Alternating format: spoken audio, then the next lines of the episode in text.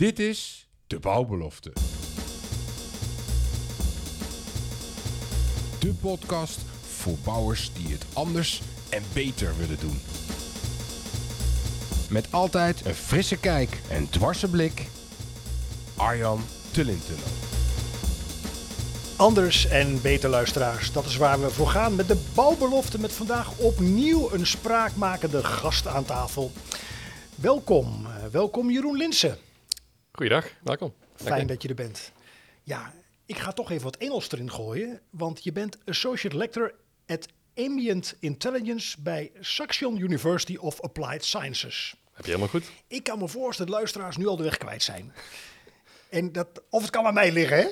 En, en Associate Lector, wat, wat, wat doet een Associate Lector, eh, Jeroen? Vertel er eens iets over. Nou, als associate lector ben ik eigenlijk een soort van eh, rechterhand van de lector, dus de leider van onze groep. Eh, dat is een onderzoeksgroep die vooral praktijkgericht onderzoek doet. En in ons geval is dat eh, nou, intelligente systemen maken om nou, omgevingen slim te maken eigenlijk. Mooi. En dat ben je al een jaar of vier, meen ik, hè? Ja, zo'n beetje inderdaad. Ja, Ja, en, en, en kijk het dan naar je studieachtergrond ook. Dat is ook terug te vinden op LinkedIn. Dat roept bij mij de vraag op, ehm, ja, op welk moment in je leven hè, eh, heb je de keuze gemaakt om juist je hierin te verdiepen? Want ik krijg de indruk dat je er al langer mee bezig bent. Dat het in het hier en nu ehm, pas echte aandacht krijgt. Dus je was eigenlijk met een aantal collega's misschien wel een soort voorloper. Zie ik dat goed? Tot op zekere hoogte wel, denk ik inderdaad. Ehm, ja, wanneer begon dat? Dat is een goede vraag natuurlijk. Ik denk, eh, in eerste instantie studeerde ik iets anders, namelijk eh, natuurkunde. Nou, dat is, zoals heel veel mensen wel weten, heel theoretisch. En ik ehm, vond zelf ook vooral wel de, de nou, eh, misschien, hoe zeg je dat? Science fiction-achtige zaken wat, wat, wat spannender en zo. En dan kom je ook al gauw uit bij iets wat lijkt op kunstmatige intelligentie. En eh, voor de grap zei een vriendin destijds tegen mij van... en waarom ga je dat niet studeren? Dat studeer ik ook. Toen zei ik, oh, oké, dan ga ik dat doen. En toen was ze ook helemaal perplex en ik ook. en toen ben ik het toch gaan doen. En is het toen goed gekomen met die vriendin? Eh, volgens mij is zij uiteindelijk zelf een andere studie gaan doen. Ja, en dan, dan zeg je science fiction, dan denk ik aan allerlei mooie films die in de loop der jaren verschenen zijn. eh, met robots erin en allerlei high-tech snufjes. Eh, was dat ook jouw beleving erbij? Was dat jouw inspiratie? Deels wel, maar ik vond vooral die films toch heel veel zaken juist niet goed belichten. Dus ik dacht van, hier kan veel meer achter zitten. Waarom is het niet veel interessanter gemaakt? En daarom ben ik juist meer gaan zoeken naar, oké, wat zit er achter die intelligentie in het algemeen voor mensen, maar ook dus voor machines. Ja, en straks gaan we ook de koppeling nog in deze podcast leggen naar de bouw, hè? Ja. Ja, mooi, fijn. En als je dan ehm, voor de luisteraars die, die eigenlijk wel eens van het woord gehoord hebben, artificial intelligence, want het is natuurlijk wel in om erover mee te kunnen praten, op basis van wat men eigenlijk niet weet, is in een paar zinnen uit te leggen, ehm, Jeroen, wat nou AI eigenlijk is. Ik zal een van de vele honderden definities proberen te geven. Volgens mij is het in feite uiteindelijk zo simpel als dat je een soort van automatische patroonherkenning hebt op basis van data.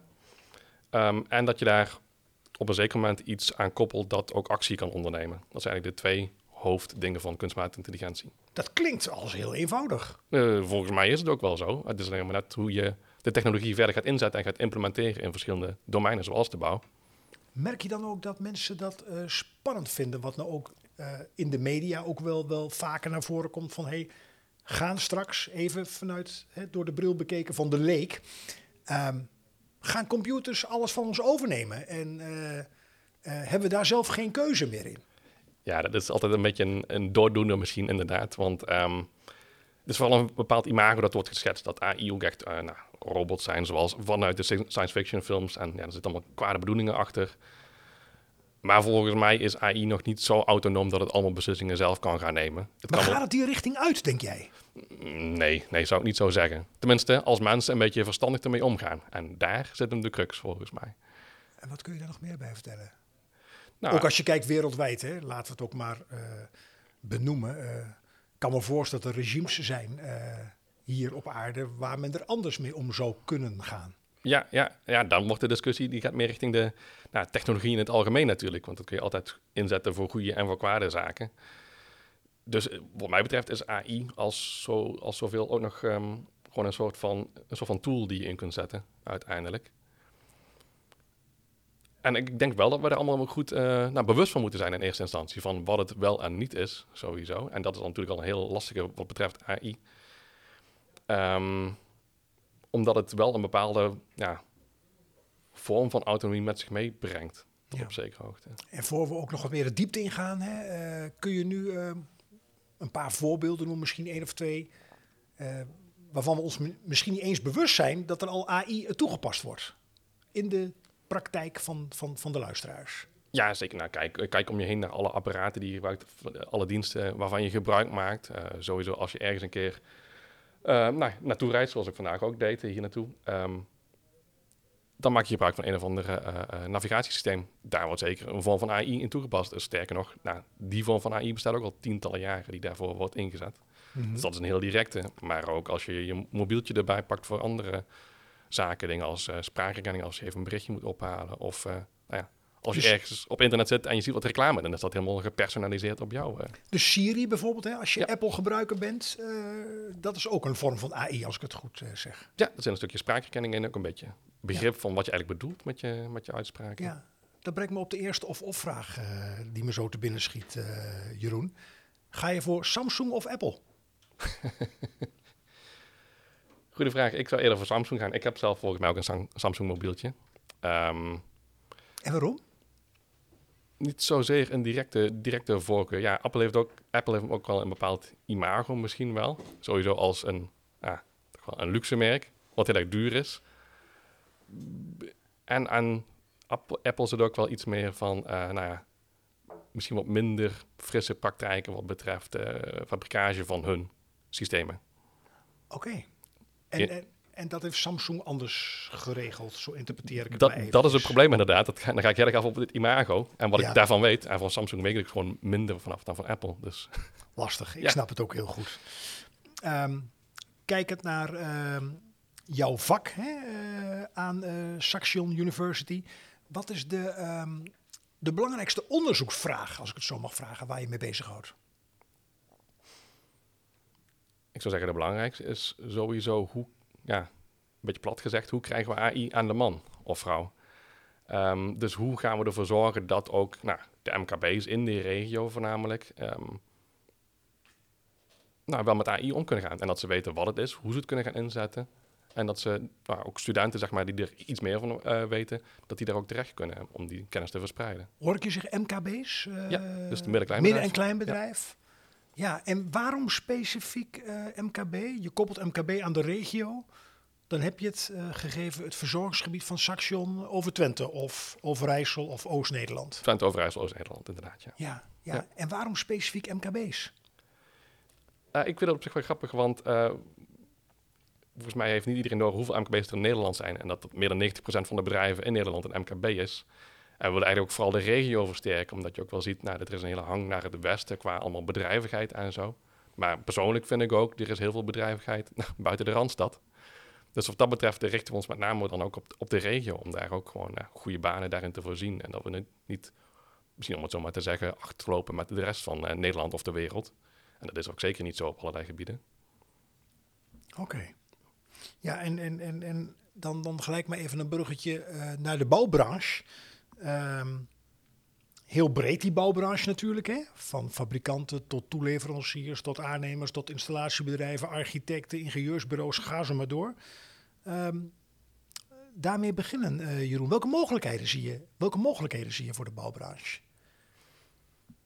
Ja, wat betreft AI zijn die ook, uh, nou, ik zou zeggen, bijna, bijna eindeloos. Um, ik, ik, denk in eerste instantie wat ik zo aan denk, wat we ook al zelf projecten mee hebben gedaan, is in het uh, gebouwbeheer sowieso. Dus kun je vanuit een gebouw met behulp van allerlei sensoren uh, nou, data ophalen en kun je daar iets intelligents over zeggen. Bijvoorbeeld of de nou, leefklimaat binnen gebouwen wel goed is, uh, of de bezetting binnen bepaalde gebouwen anders kan, of dat je stromen van mensen door gebouwen heen kunt aanpassen. Maar ik, ik, denk zeker ook in de fabrikage om dingen te, te simuleren, bijvoorbeeld hoe een gebouw zich gedraagt onder verschillende uh, contexten en verschillende seizoenen, et cetera. Dus hoe je dat gaat opstellen. Bijvoorbeeld, uh, kijk naar het weer. Hè. Uh, vandaag, um, ja, het had al mooi weer moeten zijn, goed lenteweer. En we zitten in een week met alleen maar regen. Dus dan kun je dus een testconditie maken, zie ik het zo goed. hoe een gebouw reageert bij een langdurige periode van regen. Moet ik het zo zien? Precies, volgens mij kun je daar mooie dingen aan, aan simuleren. En dat proberen we ook zeker op Saxion te doen. Ook ja, sowieso groepen naast die van ons natuurlijk, die daar veel specifieker op in kunnen zoomen op de bouw. Ehm, dus inderdaad, nou, verschillende uh, omgevingscondities uh, simuleren daar. Maar waar we zelf ook mee bezig zijn, is bijvoorbeeld in energieverbruik bij, verschillende. Um, hoe zeg je dat? Het energieverbruik bij, verbruik bij verschillende condities, bijvoorbeeld in de, in de winter, in de zomer. hoe je bijvoorbeeld energie kunt opslaan, hoe je dat dan weer goed weg kunt geven, bijvoorbeeld aan het hele grid van energievoorziening.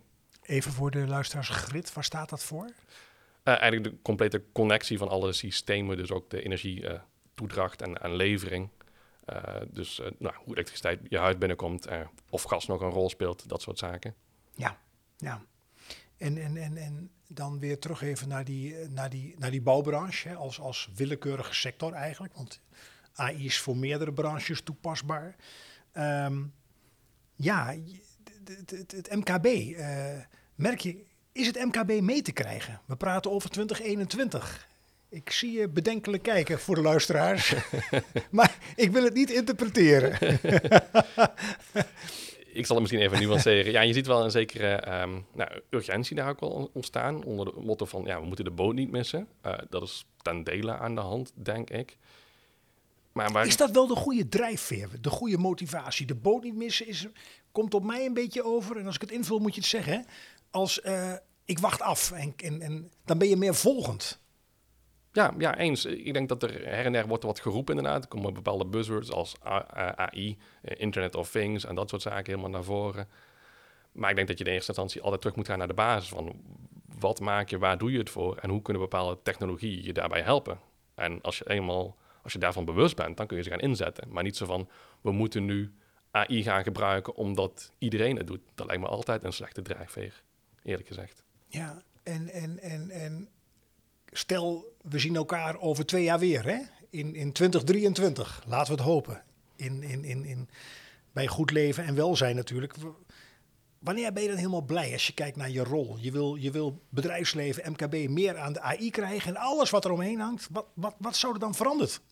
Misschien wel moeten zijn in twee jaar tijd.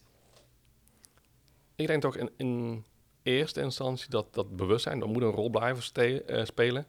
Maar ook een stukje infrastructuur. Dus in feite voor je nou, hele IT-omgeving kun je wel alles wat je wilt, mm, uh, wat je zou willen met AI. Uh, ehm, heb je dat op orde? Ik denk dat in eerste instantie die boodschap heel erg moet overkomen. Dat je systemen wilt integreren, dat je als je sensoren wil gebruiken of simulaties wilt gaan doen, dat je dat allemaal aan elkaar kunt koppelen en die data op een goede manier opslaat in eerste instantie.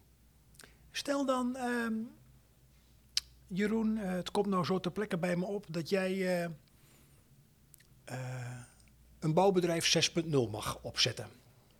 Aan middelen geen gebrek. Hè? Even, even een uitgangspunt.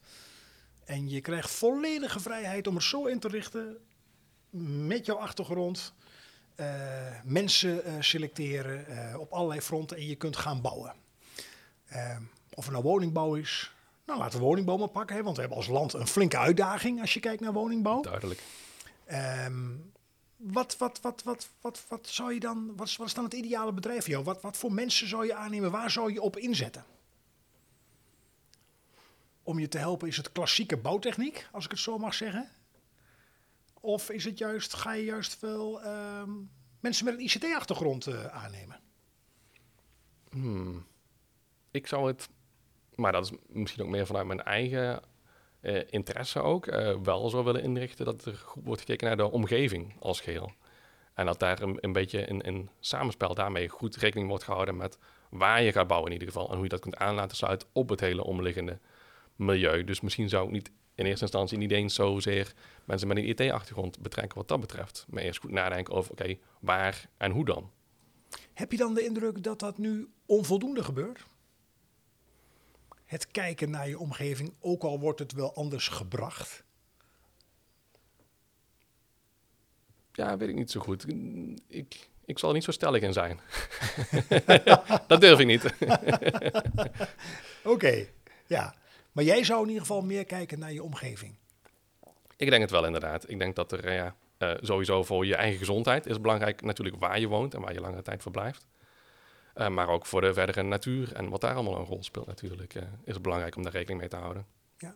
Kijk je dan vanuit jullie expertise met collega's ook naar eh, factoren waar je mogelijk niet direct invloed op hebt? Denkt aan hoe een gemeente kijkt naar een stuk grond wat beschikbaar is voor woningbouw. Kijk naar de prijzen van grond, alleen al de verwerving. Ehm, kijk naar allerlei regels, van bouwbesluit tot, nou ja, bedenk het maar. Nemen jullie dat ook mee in jullie, in jullie, in jullie, ja, in jullie aanbod naar studenten toe? Ja, tot op zekere hoogte. Dit is natuurlijk wel heel domeinspecifiek inderdaad. Mhm. Een, een, een zuster-lectoraat van ons eh, doet daar ook veel onderzoek naar. Lectoraat Smart Cities. Die kijkt inderdaad vooral naar de ruimtelijke ordening en hoe dat daarin past. Dus ook een stukje data wat daaraan gekoppeld is. Want dat is nu wel heel actueel, hè? ook landelijk. Ja, Dat ja, er weer een pleidooi is voor juist eh, een stukje, ja, zeg maar vanuit Den Haag aansturen, mag ik zo zeggen, van die ruimtelijke ordening. Ja, ja, duidelijk. Daar is zeker ook wel noodzaak voor. ehm. en, en juist daarom is het Wat ook- bepaalt voor jou die noodzaak? Als ik dat zo mag vragen. Eh, Even kijken, hoe bedoel je precies? Nou, van, van zeg maar een, een, een, een soort, ja, ik probeer juist zoveel mogelijk eh, vaktaal of jargon te vermijden. Eh, noem maar centrale aansturing van de ruimtelijke ordening. Ooit in vervlogen tijden hadden we daar eh, een apart iemand eh, voor zitten. Ja, die zouden misschien meer, wel mee moeten komen. Maar ik denk dat het ook vooral samen zou moeten gaan eh, in samenspraak met gemeentes en wat daar kan. Ja. En net wat ik net al benadrukte van, nou, vanuit de regio, het is ook belangrijk dat alles gewoon goed leefbaar en ook bereikbaar blijft. En natuurlijk ook nou, dat mensen daar in de buurt kunnen werken en dat niet alles op de Randstad, eh, op de schouders van de Randstad blijft hangen. Ja, ja, ja. En, en zeg je daarmee ook impliciet dat, want het woord Randstad valt een aantal keren, dat snappen we ook als luisteraars, denk ik. Eh, mag de rest van Nederland eh, wel wat meer eh, op gaan staan, de rugrechten en zeggen van hé, hey, eh, er gebeuren buiten de Randstad om ook gewoon hele mooie en waardevolle dingen? Ja, helemaal eens. En dat is niet zozeer alleen maar het, het achterland van Holland. Eh, daar worden ook heel veel innovaties gedaan. En wat maakt dan dat dat niet gebeurt, denk jij?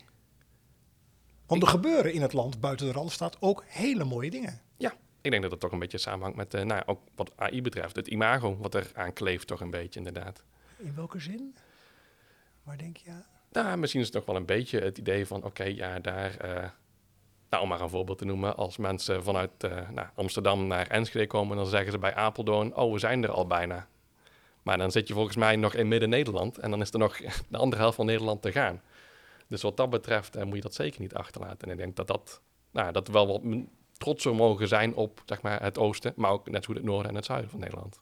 Ja, dus, dus het adagium doe maar gewoon, dan doe je al gek genoeg. Dat mogen we wel ietsje laten varen. Een klein als je beetje buiten de Randstad bent. Of het nou noorden, oosten of zuiden is, maakt dan niet uit. Precies, nuchter blijven is goed, maar ook eh, trots zijn is ook een goed eh, iets. Oké. Ja, wat dan ook wel, eh, je had het net al over buzzwords, hè? AI en, en ja, dan, dan, dan kom ik op woorden als Smart Tiny Lab en Extended Reality Lab. Ja, over buzzwords gesproken. eh van waar dat soort termen? Het spreekt toch wel tot de, tot de verbeelding, denk ik, als je inderdaad ook een beetje semi-fancy Engels eh, daarmee gaat rondstrooien. Ook in de bouw, want als ik kijk naar de Smart Tiny Lab, ehm, ja, eh, modulair opgebouwd. Het is een roteerbaar laboratorium voor systeemintegratie in de bouw. Nou, Ja. Over buzzwords gesproken, maar dan in het Nederlands. Eh, be- bereik je ehm, eh, die bouw ehm, met, met bijvoorbeeld zo'n term als Smart Tiny Lab? Daar ben ik gewoon benieuwd naar. Dat zal de tijd moeten uitwijzen. Maar eh, volgens mij moet je het inderdaad gewoon concreet maken met voorbeelden. Dat werkt voor mij in ieder geval zelf altijd het best. En dat is ook wat ik zie bij MKB's.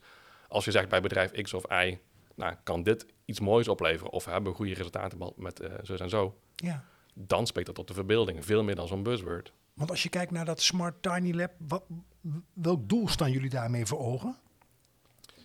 Nou, sowieso het, het simuleren inderdaad van verschillende condities, zoals we net ook al even eh benoemden. Dus inderdaad, wat is het effect van eh, het huis eh, op het noorden gepositioneerd hebben met de, de ramen bijvoorbeeld, of naar het zuiden? Hoe kun je daarmee rekening houden in de bouw wanneer je iets gaat, gaat installeren ergens? praat je dus eigenlijk over wat nou ook heel erg actueel is, het versnellen van de energietransitie, mag ik het zo zien? Ja, nou, dat moet sowieso een rol spelen inderdaad, ja. Ja, ja. En, en dan, dan wil je vanuit je achtergrond, daarmee technische, daarvoor technische en digitale oplossingen eh, ontwikkelen. En daar de bouwwereld rijp voor krijgen. Dat zou een hele mooie uitkomst zijn, inderdaad. Ja. En dat is niet een, een taak die ik in mijn eentje heb, natuurlijk. Want ik Nee, weet alleen maar van een klein, gebe- een klein gedeelte daarvan iets. Ja, ja. En, en, en, en in de ideale wereld, want ik kan me echt voorstellen, en de luisteraars ook, dat een hele uitdaging is. Hoe, hoe, hoe, zou je nou, ehm, hoe zou je nou die bouwkolom in die richting, die bouwbranche, een beetje in beweging kunnen krijgen? Of meer in beweging dan nu? Wat is daarvoor nodig? Ja, dan blijf ik toch terugkomen op inderdaad iets van best practices. Dus goede, goede voorbeelden van hoe het misschien al gedaan is. Dan ben je misschien wel een beetje een volger. En ja, als je een leider wil zijn op Prima. dat gebied, ja, dan moet je inderdaad eh, heel goed kunnen innoveren, denk ik. Maar volgens mij zijn mensen over de hele wereld heel erg creatief. Eh, En dat zie je denk ik eh, ook wel in de bouw. Dus wat dat betreft kijk ook vooral inderdaad naar hoe andere mensen doen. En kijk niet alleen gewoon naar alleen jezelf. Zijn er al eh, leiders op dit vlak? Zeg maar voortrekkers, kartrekkers? Daar weet ik eerlijk gezegd te, te weinig van af, denk ik, in ieder geval Ja. wat de bouw betreft. Oké, oké. Ik ga even naar andere vragen. Ik heb Ja. hier voor de luisteraars tien kaartjes voor me liggen. Ik weet niet welke vraag erop staat, maar je mag gewoon een nummer kiezen. En dan draai ik hem om en dan stel ik de vraag. Doe maar eens nummer 8. Nummer 8.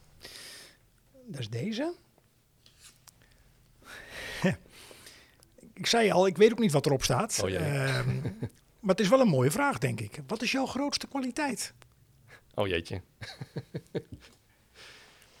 ik denk ehm, het in ieder geval eh, nuchter blijven wat dat betreft. Dat misschien een beetje een tegenspraak is met dat trots zijn op zaken. Maar in ieder geval wel nuchter blijven op nou, wat je kunt behalen, wat je wilt doen en wat je uit ook onderzoek en ook uit bedrijven wilt halen.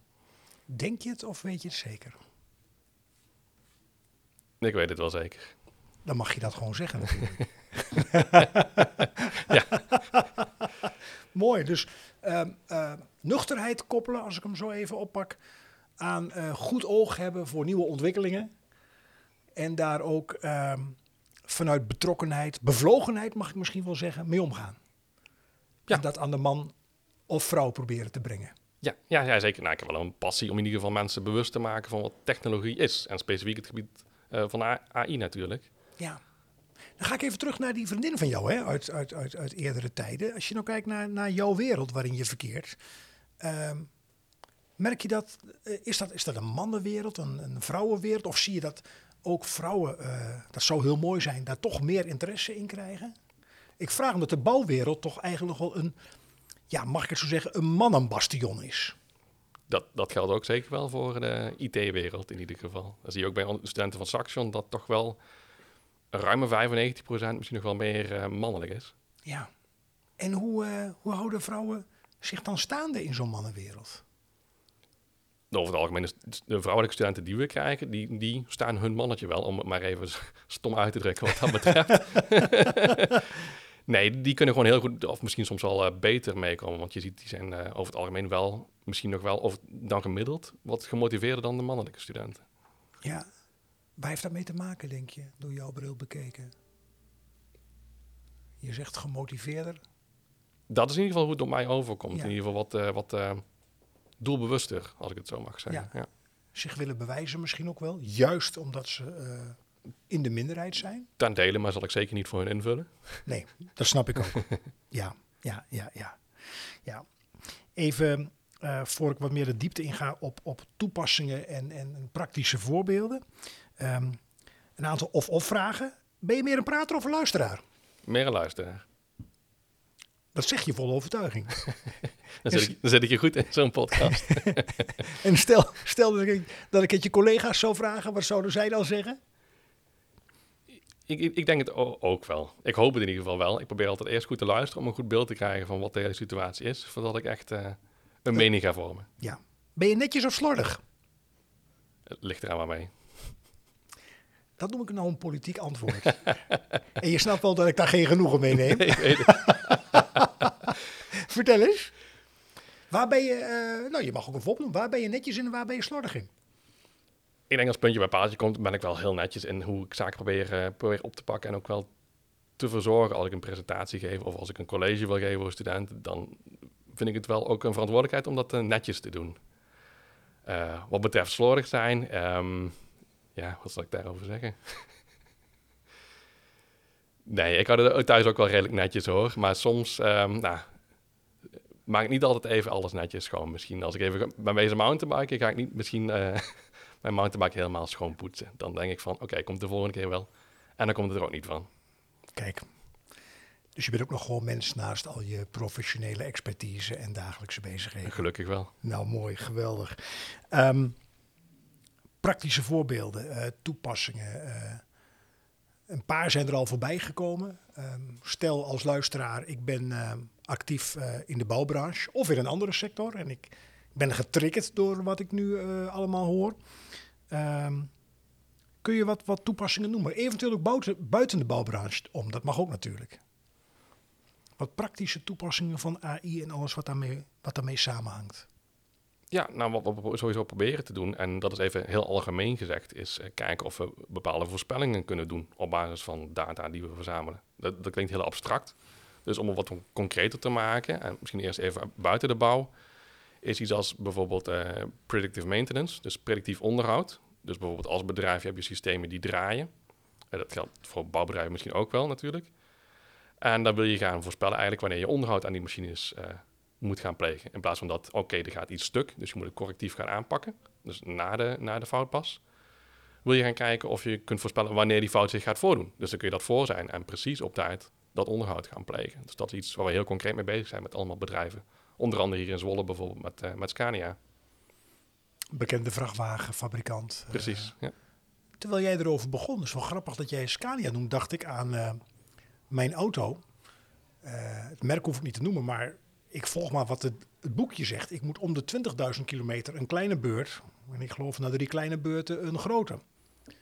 Ik denk, hé, hey, is dat nog wel nodig? Want je zou daar dus ook een soort voorspelling op los kunnen laten. Ja, ja, precies op dezelfde manier. Op basis van data die je uit die auto haalt. Bijvoorbeeld, uh, hoe goed rijdt hij? Uh, remt hij nog uh, goed? Oliepeil, dat soort zaken. Maar hebben dan, uh, laten we het even richten op de autobranche of de vrachtwagenbranche. Dat helpt vaak wel als je het even buiten je eigen, eigen vakgebied trekt. Even uh, dwarsdenkend. Ik kan me voorstellen dat een automerk daar helemaal geen belang bij heeft. Want er zit natuurlijk vanuit de historie gezien een, een verdienmodel aan de werkplaats. Ja. ja, dat is duidelijk het businessmodel. En dat zie je even terugkomen op je voorbeeld van Samsung en Apple, ja. ook wel terug inderdaad, dat gewoon op die manier gepland wordt dat nou ja, bepaalde technologie of bepaalde uh, producten niet zo lang meegaan. Want dan moet jij inderdaad over twee jaar een nieuwe telefoon kopen. En misschien net zo bij auto's. Dan zou je dus, zachtjes gezegd, uh, een niet, wenselijke, uh, niet wenselijk gevolg, als niet wenselijk gevolg van, van, van al die ontwikkelingen kunnen zien. Ja, ja, voor de consument wel inderdaad. Of ja, niet wenselijk inderdaad. Maar voor de bedrijfelijke producent misschien juist wel. Is dat niet, geeft dat niet uh, een enorme frictie in, in het groter maken van AI? Je hebt te maken met belangen. Ja. Dus inderdaad, wie, wie gebruikt de tool, de technologie en uh, waarvoor? Hoe zet die, die persoon hem in? Ja, ja. En dan even, toch even snel terug naar de bouwbranche. Denk aan heel praktisch bij, bij jou en bij mij en bij de luisteraars thuis, het onderhoud van een cv-ketel. Ja, ja, insgelijks. Als je dat kunt meten, hoe die zeg maar uh, ja, de dagelijkse dingen doet. En je ziet daar bijvoorbeeld iets in dat, uh, dat uh, nou, afwijkend is van normaal, dan zou je daar bijvoorbeeld een melding over kunnen geven naar je onderhoudsspecialist. dat zijn zo wat praktische toepassingen van AI. Ja, ja.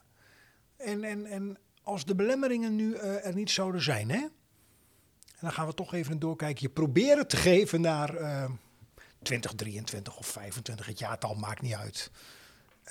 Um, ervan uitgaande dat we het allemaal meer en meer gaan accepteren. Hoe, hoe, kijk naar een huis of naar een kantoorpand of waar we hier zitten bij uh, Brasserie Guus in Zwolle. Uh, hoe, wat, wat merk ik daar dan van in, in, in, in toepassingen?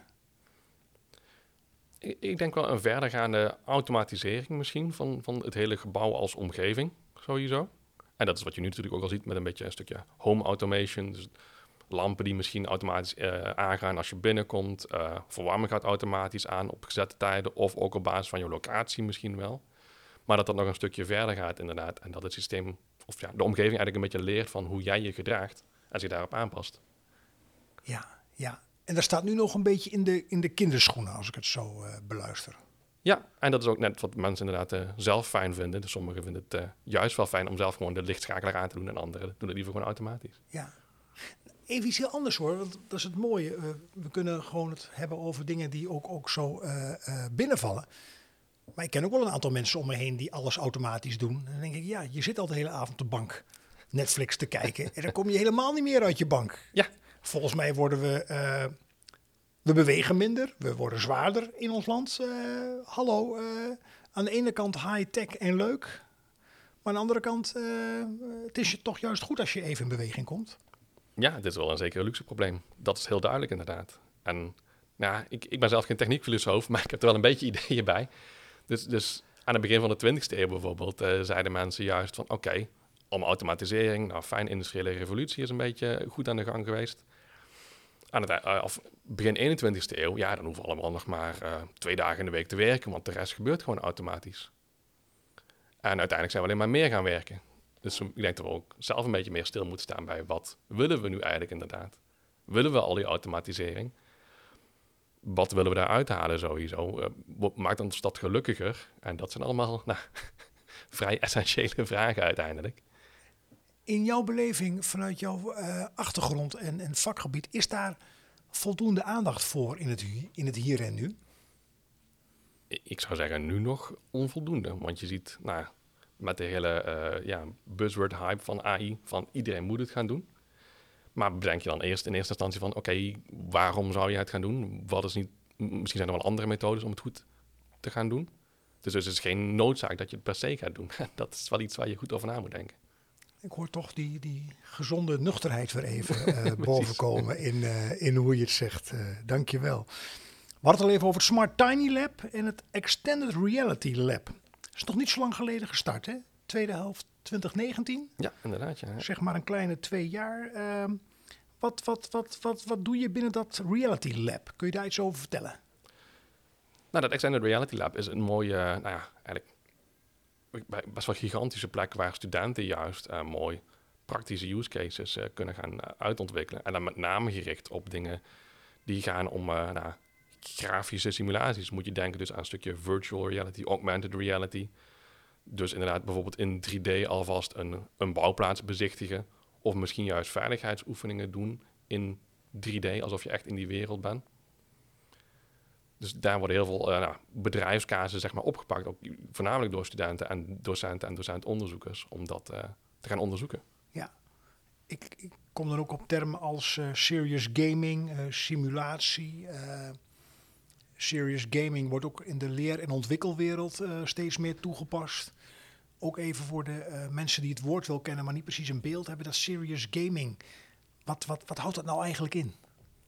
Uh, korte definitie is gewoon een soort van spelvorm die je inzet om iets te leren dat belangrijk is buiten dat spel om. Dus inderdaad een soort van training, maar dan misschien op een wat speelsere manier. Dus misschien niet super realistisch, misschien juist wel heel realistisch. Maar in ieder geval iets waar, waarvan je, waar je wat van opsteekt en dat een beetje ingebed in een spel. Nou, dat is een mooie uh, concrete omschrijving. Uh, we gaan nog even naar de vraag van een van de kaarten, uh, Jeroen. je mag er weer in kiezen, nummer. Doe maar nummer drie. Nummer drie. Dan gaan we eens kijken wat erop staat. Heb jij veel zelfvertrouwen? Oh jeetje. Ligt eraan maar bij. Om maar even te niemand zeggen. nou, dan wat er bij me opkomt. Uh, waarin heb je veel zelfvertrouwen? nou, ik denk inmiddels wel gewoon in het... Uh, nou, verder een beetje het verkondigen van het goede woord wat betreft AI. Mooi, ja. En dat, ja, dat heeft wel wat moeite gekost inderdaad om mezelf ook wel een beetje over uh, plankenkoorts en zo heen te brengen. Dus wat dat betreft ben ik daar ook wel blij mee. Ja. ja. En, en waarin heb je minder zelfvertrouwen? Nou ja, als het toch wel gaat om het verkennen van zaken die wat minder bekend zijn. Dus dingen die echt helemaal buiten mijn boekje gaan. En dan zal ik, dat, zal ik in ieder geval wel de eerste zijn om dat ook meteen toe te geven dat ik er niet zoveel van af weet. En ik denk dat dat ook, ik vind dat zelf in ieder geval wel een gezonde houding. Dus dat ik niet uit de hoogte ga blazen als ik het niet allemaal zelf snap. Ja, en het roept bij mij ook op. Uh, je werkt veel met studenten natuurlijk, hè? In, wel, in welke leeftijd zoal uh, de, nou, de, de, bandbreedte? Tussen de jaren of, uh, van, uh, van 18 tot en met 25, zo'n beetje. 18, 25. Nou, er zullen ook luisteraars zijn die mogelijk uh, kinderen hebben. Of een neefje of een nichtje. Neef of nicht op die leeftijd mag je dan zeggen. Um, kijk het naar de, de, de... Ja, zijn het dan millennials, zit ik me even te bedenken in die leeftijd? Of zijn ze daar al voorbij? Ik weet ook even niet de goede definitie nou, daarvan. Laten we het etiketje vergeten. Precies. Als je kijkt naar zelfvertrouwen in algemene zin, je gaat dus, dus, dus veel om met jongeren, de nieuwe generatie waar iedereen de mond vol van heeft. Hè? Uh, hoe is het over het algemeen gesteld met het zelfvertrouwen van, van binnen die leeftijdsgroep? Wat maak je daarin mee? Wat is jouw beeld daarbij? Ik zie dat heel veel studenten dan wel op die leeftijd ook best wel pittig hebben eigenlijk. Uh, nou, natuurlijk had dat voor deze hele coronasituatie sowieso. Want uh, nou, er zijn studenten die zijn nog niet eens op school geweest dit schooljaar. En ja, dat uh, eist zo'n tol sowieso. En dan uh, daalt het zelfvertrouwen her en der ook wel, uh, juist bij hun heel erg. Ja. En, en hoe, hoe, uitzicht dat in de, in, de, in de dagelijkse praktijk? Nou, toch wel inderdaad moeite hebben met, met verder komen. Sommige studenten die zeg maar ook gewoon zelfs stoppen met de studie, omdat dit gewoon niet de manier is waarop ze het zouden willen volgen. Aan de andere kant heb je ook wel studenten die wel echt een, een helder plan voor ogen hebben. Of in ieder geval die zeggen van, dit is gewoon super interessant. En als ze een beetje een soort van netwerk toch wel met hun eigen ja, uh, uh, leeftijdsgroep hebben, dan ja, trekken ze elkaar wel een beetje mee wat dat betreft. Dus dat is wel essentieel, denk ik, ook voor studenten nu, om toch wel een beetje de mensen te zoeken waarmee je op kunt schieten. En dat je ook elkaar gewoon gemotiveerd houdt sowieso. Want ja, je moet er toch een beetje doorheen eigenlijk. Ja. En kun je ze daar ook een beetje begeleiden, jij en je collega's? Zo goed als mogelijk sowieso hebben we natuurlijk uh, studieloopbaanbegeleiders die daar echt wel uh, nou, klaar voor staan voor al die studenten. Dus dat proberen we wel zeker wel goed op te pakken. Mooi, mooi. Um, even terug naar, naar, naar energie, uh, hot item. Hè? Kijk naar zon, kijk naar wind. leidt op heel veel plekken in ons land tot, tot discussie. Ja. met voor- en tegenstanders. En gelukkig mag dat ook allemaal ehm, dan, dan komt het woord zelfvoorzienend ook snel uh, op. Uh, het mooie woord is autarkisch. Uh, ik denk aan tiny houses. Hoe, uh, ja, kijkend naar ontwikkelingen. Hoe, hoe, zie jij dat zelfvoorzienende? Is dat meer wishful thinking? Want ik snap dat het heel hip is om dat zo te benoemen. Ehm, of, of, of is dat ook, ja, mag ik het zo vragen, realistisch als je kijkt naar de nabije toekomst? Tot op zekere hoogte kan dat realistisch zijn als mensen ook hun behoeftes daarop aanpassen, denk ik. Dus dat gaat altijd uh, in een soort van balans daar. Kijk, als jij heel veel energie nodig hebt. En wat bedoel je met het laatste, die behoeftes aanpassen? Nou, sowieso behoefte aan energie zie je dat die ook wel toegenomen is, denk ik. Uh, stel je inderdaad, je gaat lekker iedere dag een, een uurtje staan koken en dan nog uh, vier uur lang de tv aan bij wijze van. Dat vraagt natuurlijk wel energie. Ook als jij je huis op 24 graden wil stoken, dan kost dat ook iets meer energie dan dat je gewoon even een, een truitje aantrekt bij wijze van. Heb jij dan het beeld, um, ik kan je volgen, ik denk de luisteraars ook, dat, dat ja, iedereen weet en wil ook wat doen aan klimaat, mm -hmm. hè? Uh, jong of oud. Is de achterliggende vraag niet, als ik hem verkeerd interpreteer, dan zeg het gerust Jeroen. Ja, zijn we bereid daar in ons eigen leven ook consequenties in te nemen? Ja, ja dat, is, dat is de hamvraag denk ik voor iedereen. Dan zou je toch eigenlijk moeten zeggen, al die gadgets met... Uh, leuke dingen dat je automatisch het licht aandoet en al die uh, fratsen, uh, moet je dan net vergeten, want die kosten ook energie. Of, of, of zie ik dat verkeerd? Dat is net hoe je ze inzet, denk ik. Ze kunnen ook zeker energie besparen. Bijvoorbeeld inderdaad, als je niet in de kamer bent, dan kan dat licht gewoon uit. Daar kun je mooi een sensortje voor, uh, voor rekenen, die niet zo heel complex hoeft te zijn. Dus in, in zekere zin is volgens mij ook een van de speerpunten van onze groep ook kijken naar hoe kunnen we het efficiënt maken. Dus dan hoeven we helemaal niet meer zelf na te denken. Dan zijn we een soort levende robots worden. We. Wordt wel een heel rustig leven, inderdaad. maar je zegt wel heel, heel, heel duidelijk, uh, Jeroen, uh, alles overziend, alle nieuwe mogelijkheden, gaat het wel energie besparen. Mits goed ingezet. Ja, en dat blijft altijd de, de traditionele inderdaad uh, crux daar inderdaad, als ja. je maar goed gebruikt. Ja, ja, ja. We zijn inmiddels richting een afronding van deze bouwbelofte in tijd gezien ook uh, ja, bij, bij de vorming van een nieuw kabinet aanbeland. Hè? Uh, Mariette Hamer die, uh, gaat daar nu mee aan de slag. Is er al mee aan de slag, terwijl ik dit zeg.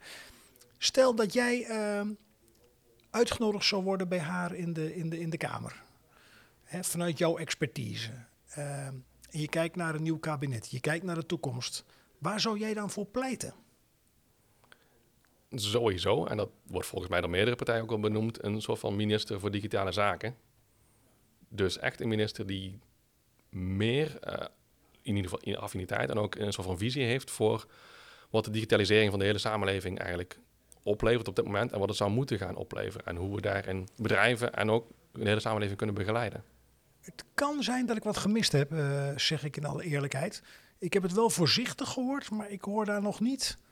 Of ik mis dingen, maar jij weet misschien meer. Heb jij het idee dat, nou, acht van de tien politieke partijen, we hebben er 17 geloof ik in de Tweede Kamer op dit moment, sinds de laatste verkiezingen, dat, dat acht van de tien partijen daar echt voor pleiten? Of is het een beetje een opmerking in de marge?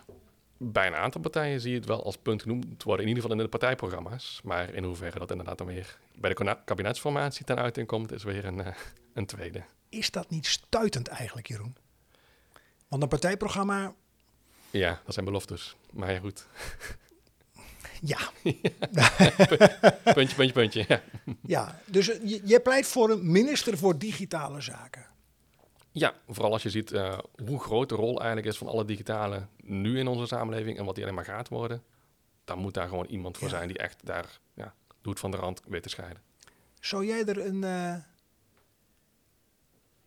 een goede fles wijn of een goede uh, zak koffie, mocht je geen wijn drinken, of geen alcohol om durven verwerren dat die, dat die er gaat komen? nou, voor een flesje wijn durf ik er wel om te wedden hoor. En dat is dat meer, er komt? Meer wishful thinking dan wat anders, maar uh, ik gun je ook best wel een flesje wijn. Daar gaat het bij niet om. Maar ik vind het wel boeiend, en ik denk de luisteraars ook. Hier hebben we het over. Alleen, dan vind ik het ook wel bijzonder, door mijn bril bekeken, dat blijkbaar dit nog onvoldoende doorgedrongen is in Den Haag. Ja, ja. En dat is een goede uitdaging om dat op de agenda te zetten. Dat is heel duidelijk. Oké, een minister voor digitale zaken. Graag. En heeft dat dan, uh, uh, richting een afsluiting, want we hebben nog een kleine drie minuten, heeft dat dan een jonger of een ouder iemand te zijn? Ik zou er niet per se op een leeftijd discrimineren als, hij maar, uh, als die persoon in ieder geval maar uh, weet van wanten. Ja, ja. Nou, dat kan ook binnen de balbelofte. Ik zou pleiten voor een jonger iemand om een hele praktische reden. Jongeren uh, worden nog net niet geboren met een smartphone in de hand, de kinderen van nu. Maar die staan toch anders in de digitale wereld dan met alle respect uh, mijzelf en vele leeftijdgenoten. Dus ik durf hem wel aan, een jonger iemand. Gaan we voor. Zet er maar iemand neer van een jaar of 25, durf het maar eens aan.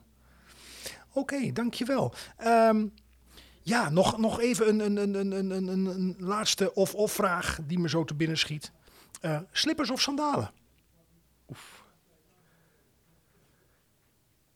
Ik denk sandalen. Dat is toch een iets makkelijker lopen. Maar optimaal gewoon zonder uh, sandalen of slippers. Gewoon lekker blote voeten. Kijk, kijk. Hartstikke goed. Uh, nog één laatste vraag, uh, Jeroen, voor deze bouwbelofte. Wat is een laatste boodschap die je specifiek hebt voor luisteraars die in de bouwwereld werkzaam zijn? Wat zou je ze mee willen geven? ik zou ze in ieder geval mee willen geven dat ze, misschien haal ik mezelf dan eh, goed zouden moeten nadenken over wat AI ook echt is. En uh, nou, niet ontoevallig uh, geven we dat natuurlijk ook vanuit Saxion wel workshops over, trainingssessies om een beetje dat bewustzijn te kweken. en uiteindelijk is het niet iets magisch of zo. Het is gewoon een bepaalde ja, vorm van technologie die je in kunt zetten voor deze of gene zaken. Dus ik zou zeggen, lees er een keertje goed over en bedenk ook vooral of het aansluit bij je, bij je bedrijf. Nou, dankjewel Jeroen Linsen. Dankjewel Arjen. Nou luisteraars, dit was de bouwbelofte.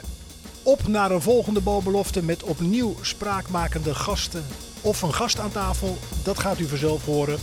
Uh, dank voor het luisteren en tot de volgende bouwbelofte.